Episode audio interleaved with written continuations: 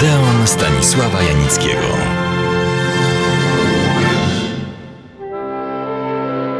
Zdobywczyni pierwszego Oscara za najlepszą rolę kobiecą. Znakomite dwie główne role w równie znakomitych filmach Wschód Słońca z 1927 roku i Narodziny Gwiazdy z 1937. Najbardziej kasowa, przepraszam za to straszne określenie, aktorka w roku 1934. Aktorka, która sama, ciągle popularna, wycofała się z kinowych ekranów. Trzykrotnie była mężatką, ale miała też nieco inne zainteresowania. A dzisiaj kompletnie zapomniana, bo nawet kiedy ogląda się jej filmy, mało kto wie, kim była ta wspaniała aktorka. No, ale po co istnieje nasz Odeon? Więc od początku.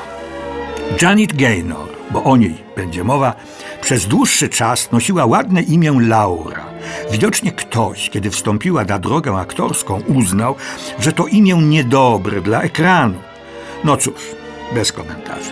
Choć miała i drugie imię, Augusta, ale w tym przypadku i ja bym się zawahał. Urodziła się 6 października 1906 roku w Filadelfii.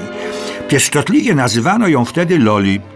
Była młodszą córką malarza i tapicera teatralnego. Kiedy Laura Augusta, później Janet, była jeszcze berbeciem, ojciec zaczął ją uczyć śpiewu, tańca i scenicznej akrobatyki. Z takimi umiejętnościami występowała w każdym szkolnym przedstawieniu. Rodzice rozwiedli się i Janet, będę już używał jej ekranowego imienia, wraz z matką i siostrą przeprowadziły się do Chicago. Matka powtórnie wyszła za mąż i cała rodzina przeniosła się do San Francisco.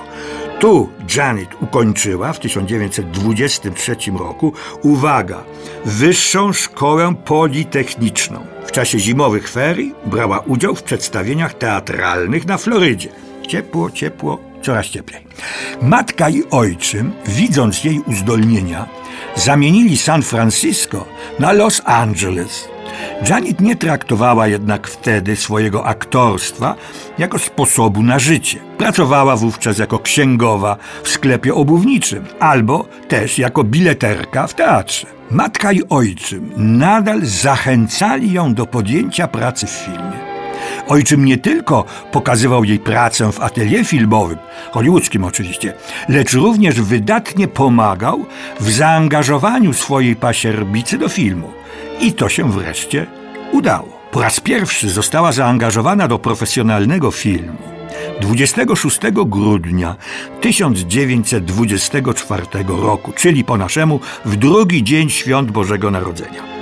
Najpierw grała minimalne rólki w krótkich komediach Hala Roacha, a to była dobra szkoła, i równie krótkich, lecz też pouczających westernach. Zainteresowanie nią a od tego są w Hollywood wybitni specjaliści, rosło z minuty na minutę, to znaczy z filmu na film. Przypomnę jednak, że były to malutkie rólki.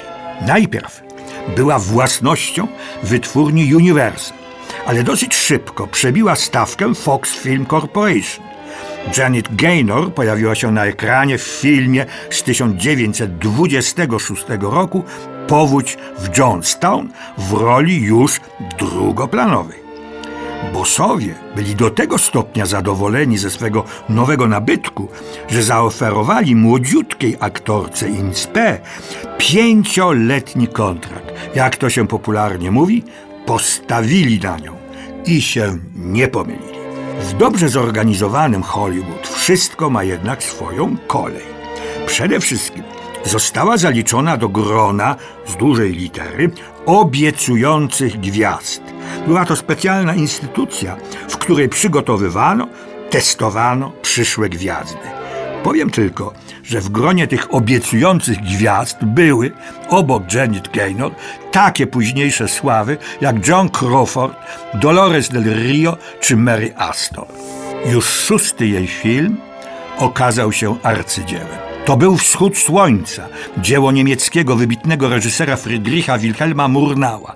To on zrealizował, zanim się znalazł w fabryce snów, takie niezwykłe filmy jak Nosferatu, pierwsza i niedościgniona wersja, Portier z hotelu Atlantic, uważany i słusznie za jeden z najwybitniejszych filmów wszechczasów, a także oryginalne adaptacje klasyków, czyli Świętoszka Moliera i Fausta Goethego. I ten reżyser, ten twórca filmowy, zrealizował skromny i pozornie banalny film Wschód Słońca. Oparł się wprawdzie na znanej powieści, która opowiadała, mówiąc ogólnie, o powikłanych losach ludzkich, w tym przypadku z kręgu trójkąta małżeńskiego. Prosty, pracowity i kochający mąż, wieśniak, rolnik, zakochuje się w atrakcyjnej kobiecie z miasta. Wyprawy małżonków do wielkiego miasta są ich wielkim, no może jedynym świętem.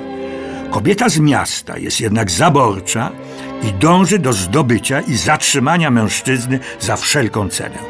Jedyne rozwiązanie tej sytuacji widzi w usunięciu żony i to w sposób ostateczny. W czasie wyprawy małżonków łódką nie udaje się mężowi jednak wyrzucić i utopić żony. A podczas kolejnej ich wyprawy do miasta odnawia się ich bliskość, wzajemne oddanie i miłość.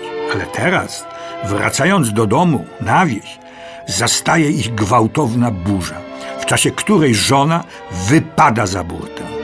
Nie tylko mąż, ale cała wioska jej szuka i w przeciwieństwie do powieści ją odnajduje i przywraca życiu.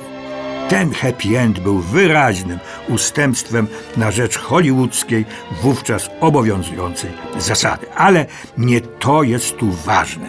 Ważny jest trafny, subtelny i wielowymiarowy rysunek psychologiczny trójki bohaterów.